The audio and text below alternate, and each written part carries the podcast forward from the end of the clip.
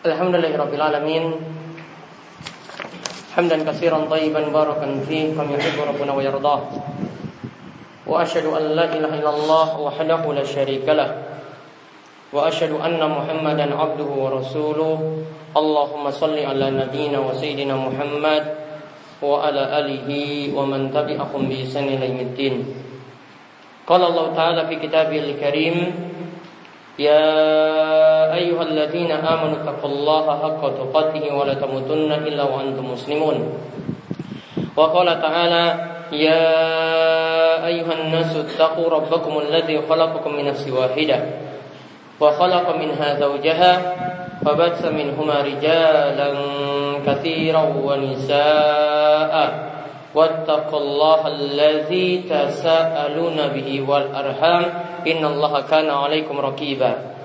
وقال تعالى يا أيها الذين آمنوا اتقوا الله وقولوا قولا سديدا. يصلح لكم أعمالكم ويغفر لكم ذنوبكم. ومن يطع الله ورسوله فقد فاز فوزا عظيما. فإن أصدق الحديث كتاب الله وخير الهدى هدى محمد صلى الله عليه وسلم. وشر الأمور محدثاتها وكل محدثات بدعة وكل بدعة ضلالة وكل ضلالة في النار Ma'asyiral muslimin rahimani wa rahimakumullah. Di hari Jumat yang penuh barakah ini sebagaimana diingatkan oleh para khatib marilah kita senantiasa meningkatkan ketakwaan kita kepada Allah Subhanahu wa taala karena dengan kita itu bertakwa yaitu dengan menjalankan perintah dan menjauhi setiap larangan Allah Subhanahu wa taala berarti kita telah menjadikan ketaatan tadi adalah sebagai bentuk syukur kita kepada Allah Subhanahu wa taala. Sebagaimana dikatakan oleh seorang ulama yaitu Ibnu Hazm rahimahullah Abu Hazim rahimahullah beliau itu mengatakan kullu nikmatin la tuqarribu ila Allah azza wa jalla fahiya baliyah. Setiap nikmat yang tidak mendekatkan diri kita kepada Allah, maka itu bukanlah nikmat namun itu adalah musibah. Maka kalau kita menerima nikmat sehat, Allah melapangkan rizki kepada kita sekalian, kita dimudahkan ya memiliki rumah dan bisa tinggal menetap di dalam rumah, memiliki pekerjaan, maka sudah sepatutnya kita mewujudkan syukur kita kepada Allah Subhanahu wa taala dan itu jadi bukti kita benar-benar bertakwa kepada Allah Subhanahu wa taala. Dan semoga kita digolongkan menjadi orang yang bertakwa dan digolongkan pula menjadi orang orang yang bersyukur kepada Allah Subhanahu wa taala. Kemudian salawat dan salam Semoga tercurahkan kepada junjungan kita Nabi besar Nabi Agung Penutup para Nabi. Beliau juga nanti akan menerima syafaatul uzma pada hari kiamat. Dan kita juga selalu menanti Nanti syafaat dari beliau Yaitu Nabi kita Muhammad Sallallahu alaihi wasallam. Begitu juga dicurahkan kepada para sahabat, istri-istri beliau, para tabi'in, para tabi'ut tabi'in, serta para ulama yang telah memperjuangkan agama Islam kita ini ya sehingga kita dapat mengenal Islam dengan baik mengenal ajaran Islam yang rahmatan lil alamin mengenal ajaran Islam yang dapat memberikan maslahat kebaikan bagi kita sekalian. Ma'asyiral muslimin rahimani wa rahimakumullah kita tentu saja di dunia ini sangat mengharapkan ridha Allah dan sangat tidak suka kalau kita menerjang yang menjadi hal-hal yang Allah Subhanahu wa taala murkai. Maka kita sangat berharap mendapatkan kecintaan dari Allah, mengharap keridhaan dari Allah dan berusaha keras supaya tidak terjatuh dalam hal-hal yang Allah Subhanahu wa taala itu murkai. Baginda Nabi Shallallahu alaihi wasallam pernah menunjukkan kepada kita ada tiga hal yang bisa mendatangkan ridha Allah. Dan ada tiga hal yang membuat Allah itu tidak suka kepada kita. Apa saja tiga hal yang membuat Allah itu ridho kepada kita? Nabi SAW itu mengatakan Innallaha yarada lakum salatan wa yakrahu lakum salatan Sesungguhnya Allah meridhoi kepada kalian itu tiga hal Dan Allah tidak suka pada kalian tiga hal ini pula. Kemudian Nabi SAW merincinya lakum. Apa yang Allah ridhoi Yaitu ada tiga. Apa yang Allah ridhoi Itu ada tiga.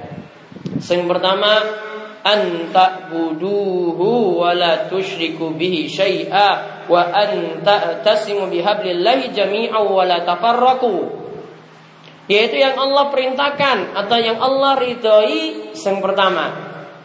Kita diperintahkan untuk ngibadah pada Allah Subhanahu wa taala semata. Kemudian yang kedua kita diperintahkan tidak berbuat syirik.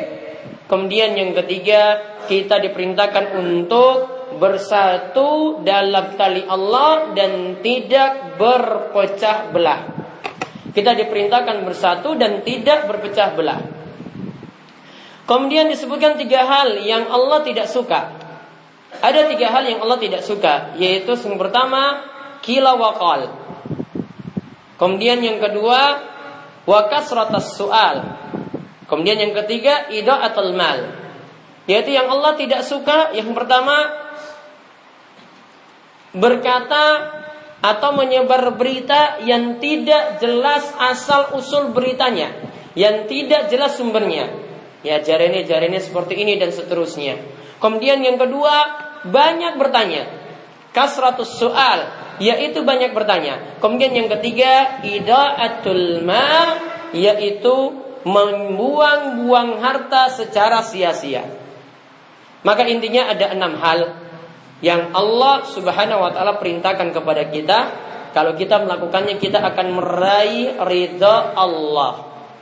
Kemudian ada tiga hal lagi yang Allah tidak suka yang mesti kita jauhi ya dan ini nanti membuat Allah Subhanahu wa taala itu murka. Kita rinci satu persatu. Yang pertama, Allah memerintahkan kita untuk bertauhid, yaitu untuk beribadah kepada Allah Subhanahu wa taala semata. Kemudian yang kedua, ini masih ada kaitannya dengan yang pertama, yaitu kita tidak berbuat syirik. Yaitu kita tidak berbuat syirik. Murni ibadah kita, seluruh ibadah kita hanya untuk Allah Subhanahu wa taala. Maka inilah yang nanti menjadi sebab terbesar kita mendapatkan ridha Allah Subhanahu wa taala. Contoh misalnya dalam ibadah kurban.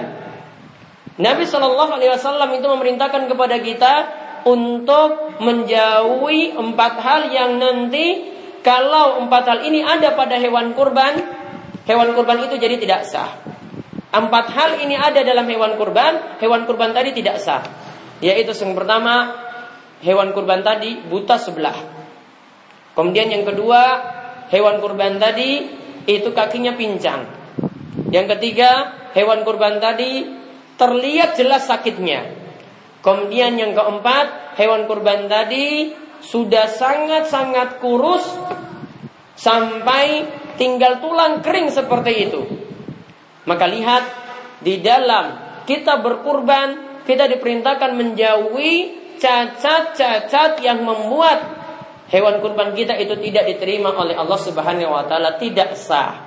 Ini menunjukkan yang namanya ibadah mesti kita sajikan sempurna untuk Allah. Kalau kurban itu adalah bentuk pendekatan diri kita pada Allah, maka tidak boleh sama sekali kita sampaikan atau kita sajikan sesuatu yang cacat. Maka Allah inginkan yang sempurna, yang murni itu hanyalah untuk Allah Subhanahu wa taala. Ibadah kurban contohnya diperintahkan disajikan hanya untuk Allah.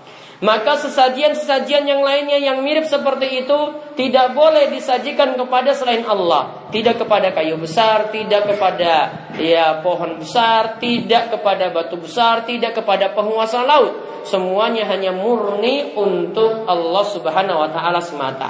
Sama dengan kurban, kita diperintahkan inna solati wa nusuki wa mahyaya wa mati lillahi rabbil alamin Sesungguhnya solatku, nusukku, yaitu di antara tafsirannya adalah sembelihanku.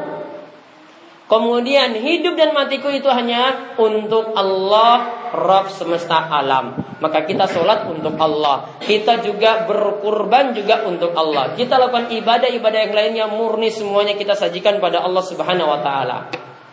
Kemudian yang nomor tiga, kita diperintahkan untuk bersatu. Kaum muslimin itu diperintahkan untuk bersatu dan tidak berpecah belah. Maka yang diinginkan dalam syariat Islam kaum muslimin itu tidak berkotak-kotak. Tidak ada yang memihak satu golongan, tidak ada yang memihak golongan A, tidak ada yang memihak golongan B, namun diperintahkan semuanya itu bersatu. Bersatunya bagaimana? Yaitu ikutilah tuntunan yang ditunjukkan dalam Al-Quran.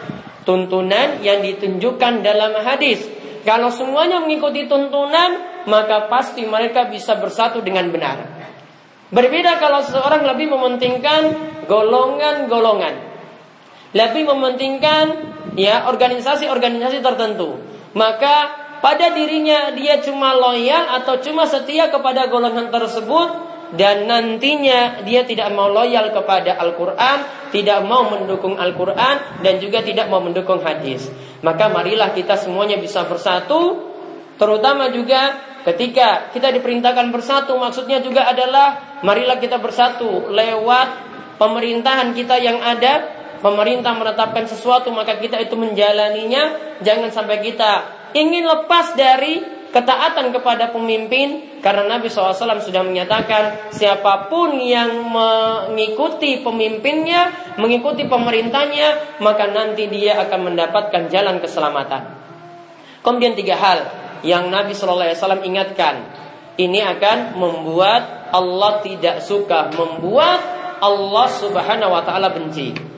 Yang pertama, yaitu sibuk dengan perkataan kilawakal, yaitu perkataan sing ora jelas, perkataan yang tidak jelas beritanya, ya dapat dari satu RT disebar lagi ke RT yang lainnya, dapat dari satu dusun, disebar lagi kepada dusun yang lainnya, dapat dari satu orang, disebar lagi. Padahal isi berita itu menjelekkan orang lain. Kalau isi berita itu menjelekkan orang lain, maka Allah Subhanahu wa taala perintahkan, "Ya ayyuhalladzina amanu, in ja'akum fasikum binaba'in fatabayyanu." Wahai wong sing beriman, jika datang kepada kalian orang fasik membawa suatu berita, Wong fasik sing biasanya maksiat bawa satu berita, maka hendaklah dicek terlebih dahulu apakah berita tadi itu benar. Kalau tidak benar maka jangan untuk disebar. Kalau orang benar maka jangan sampai disebar luaskan. Cukup itu saja yang masuk telinga kita. Kita jangan sampai omongkan berita ini pada orang lain kecuali kalau sudah dapat kejelasan. Karena kebiasaan kita di kampung, kebiasaan kita itu di dusun, kebiasaan kita tinggal di desa, Ya, cuma dengar satu berita disebarkan. Cuma dengar satu berita tanpa kejelasan disebarkan. Sampai orang lain ikut terfitnah, sampai satu golongan itu terfitnah, sampai satu lembaga itu terfitnah dan seterusnya. Kemudian yang kedua yang dilarang, yang Allah tidak suka adalah banyak bertanya sing ora manfaat. Bertanyanya ini tidak ingin diamalkan, cuma tanya, tanya, tanya. Dia tidak nanti untuk amalkan, misalnya dia bertanya sholat, ya tidak mau sholat. Misalnya dia bertanya tentang puasa, ya dia juga tidak cuma cuma ingin bertanya saja, tidak mau menjalankan puasa. Itu cuma sekedar ingin menambah wawasan dia, tidak mau untuk meningkatkan ketakwaan dia kepada Allah Subhanahu wa taala. Kemudian yang terakhir, yang membuat Allah Subhanahu wa taala tidak suka itu adalah menghambur-hamburkan uang. Ini dimaksudkan di sini apa? Kata Imam Nawawi, yang dimaksud ini adalah menyalurkan harta, menyalurkan uang pada sesuatu yang tidak manfaat atau ini bukan dalam jalan-jalan kebaikan. Misalnya untuk maksiat. Misalnya hartanya dari kerjaannya mungkin jualan, ketika itu dia manfaatkan untuk mabuk-mabukan. Kemudian ketika dia dapat uang, dia traktir juga teman-temannya untuk foya-foya. Ketika dia dapat penghasilan, dia tidak nafkahi istrinya, tidak nafkahi anak-anaknya, dia lebih menyenangkan orang lain. Padahal nafkah untuk keluarga itu lebih utama. Bahkan setiap suami yang pergi bekerja untuk keluarganya, niatannya baik untuk keluarganya, maka setiap pagi akan didoakan oleh para malaikat. Malaikat akan berdoa, Allahumma a'ti munfikan ya khalafan. Ya Allah berikanlah ganti kepada orang yang rajin cari nafkah. Sedangkan orang yang malas cari nafkah kata Nabi sallallahu alaihi wasallam, malaikat akan berdoa, Allahumma a'ti mumsikan talafan. Ya Allah berikanlah kebangkrutan pada orang yang tidak mau cari nafkah dengan benar. Maka mudah-mudahan kita menggapai dapat menggapai ridha Allah dengan beribadah pada Allah dengan benar, dengan menjauhi kesyirikan, dengan kita itu bersatu di dalam kebenaran, mengikuti tuntunan dalam Al-Quran dan hadis, begitu juga kita mengikuti apa yang ditetapkan oleh pemerintah kita selama itu dalam kebaikan, kemudian kita tidak sibuk dengan perkataan yang sia-sia, sibuk dengan perkataan yang tidak jelas, berita-berita yang tidak jelas, kita juga menghindari banyak bertanya yang tidak mau diamalkan dan juga mudah-mudahan kita dapat meninggalkan menghambur-hamburkan uang. Aku lu qouli hadza wastaghfirullah li wa wa muslimin innahu was-sami'ul alim.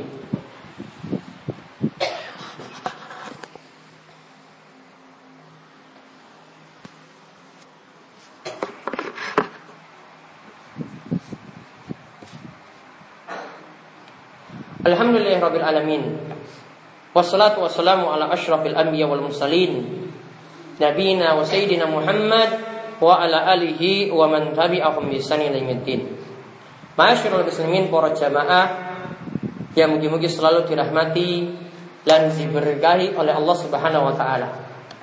Tiga hal tadi yang sudah kita jelaskan yang membuat Allah ridha dan tiga hal juga yang membuat Allah Subhanahu wa taala murka, yang membuat Allah Subhanahu wa taala tidak suka. Tadi dikatakan tentang menghambur-hamburkan uang. Berarti penggunaan harta itu nanti ada dua macam. Ada penggunaannya yang benar. Contohnya misalnya tujuan uang itu digunakan untuk menafkahi anak, untuk menafkahi istri, memberikan nafkah yang wajib kepada anak, memberikan nafkah yang wajib kepada istri. Kemudian ada juga harta tadi yang digunakan dengan sia-sia. Yaitu tidak untuk tujuan yang benar, untuk tujuan sing ora manfaat, untuk tujuan-tujuan yang diharamkan. Adapun kalau kita menghabiskan uang, misalnya untuk suatu ibadah, misalnya bapak-bapak nantinya untuk uangnya itu digunakan untuk beli hewan kurban dan nanti digunakan berkurban pada hari Idul Adha besok. Maka ini bukan membuang-buang harta karena digunakan untuk hal yang baik.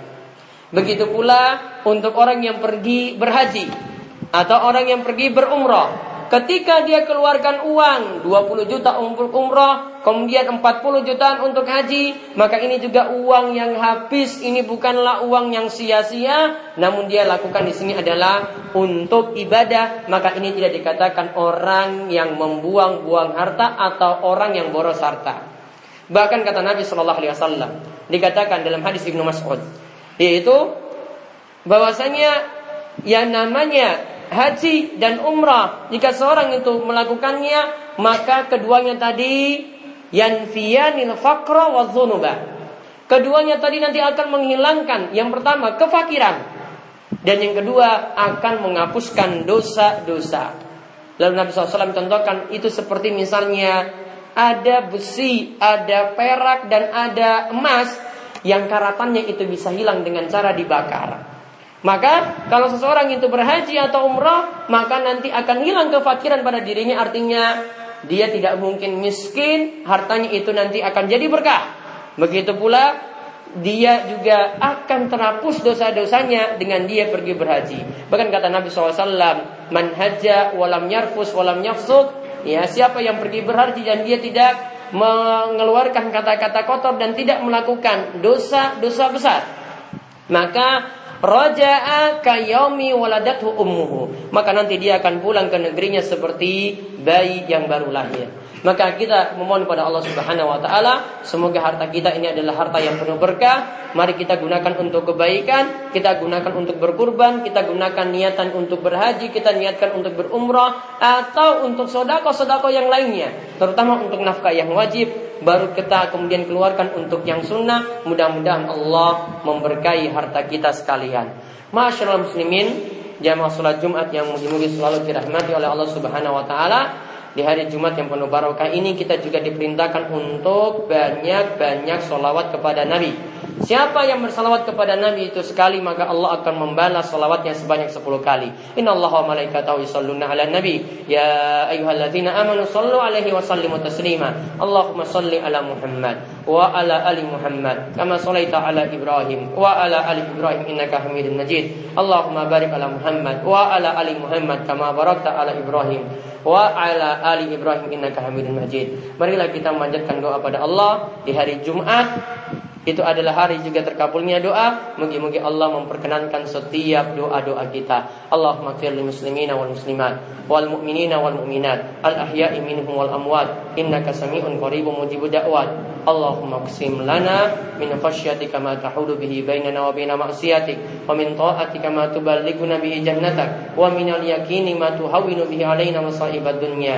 Allahumma matina bi asma'ina wa absarina wa quwwatina ma ahyaitana waj'alhu warisa minna waj'al sa'rana ala man zalamana wansurna ala man adana. Wa la taj'al musibatana fi dinina wa la taj'al dunya akbar hammina wa la mablagha ilmina wa la tusallit alaina man la yarhamuna. Ya Allah ya Rabb kami ampunilah segala dosa-dosa kami. Ya Allah ya Rabb kami ampunilah segala dosa kedua orang tua kami. Begitu juga orang-orang yang telah meninggal dunia yang mendahului kami. Ya Allah ya Rabb kami mudahkanlah kami untuk masuk ke dalam surga surgamu. Jauhkanlah kami juga dari nerakamu. Jauhkanlah juga kami dari siksa kubur. Begitu juga jauhkanlah kami dari fitnah di dunia. Fitnah harta, fitnah dalam keluarga, fitnah dalam hal yang lainnya.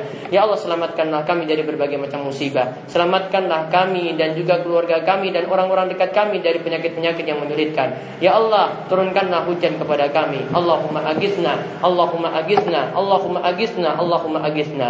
Ya Allah ya Rabb kami, turunkanlah keberkahan keberkahan kepada negeri kami ini. Dan berikanlah kemudahan kepada orang-orang yang ingin berhaji. Berikanlah kemudahan kepada mereka selama mereka berhaji dan juga pulang ke tanah air. Ya Allah ya Rob kami berikanlah kepada kami pemimpin yang terbaik pemimpin yang dapat memberikan maslahat untuk umat ini. Ya Allah, satukanlah kami dalam iman, satukanlah kami dalam Islam dan antarkanlah kami ke dalam kebaikan-kebaikan. Rabbana atina fid dunya hasanah wa fil akhirati hasanah wa qina adzabannar wa sallallahu ala nabiyyina wa sayyidina Muhammad wa ala alihi wa sahbihi ajmain walhamdulillahi alamin.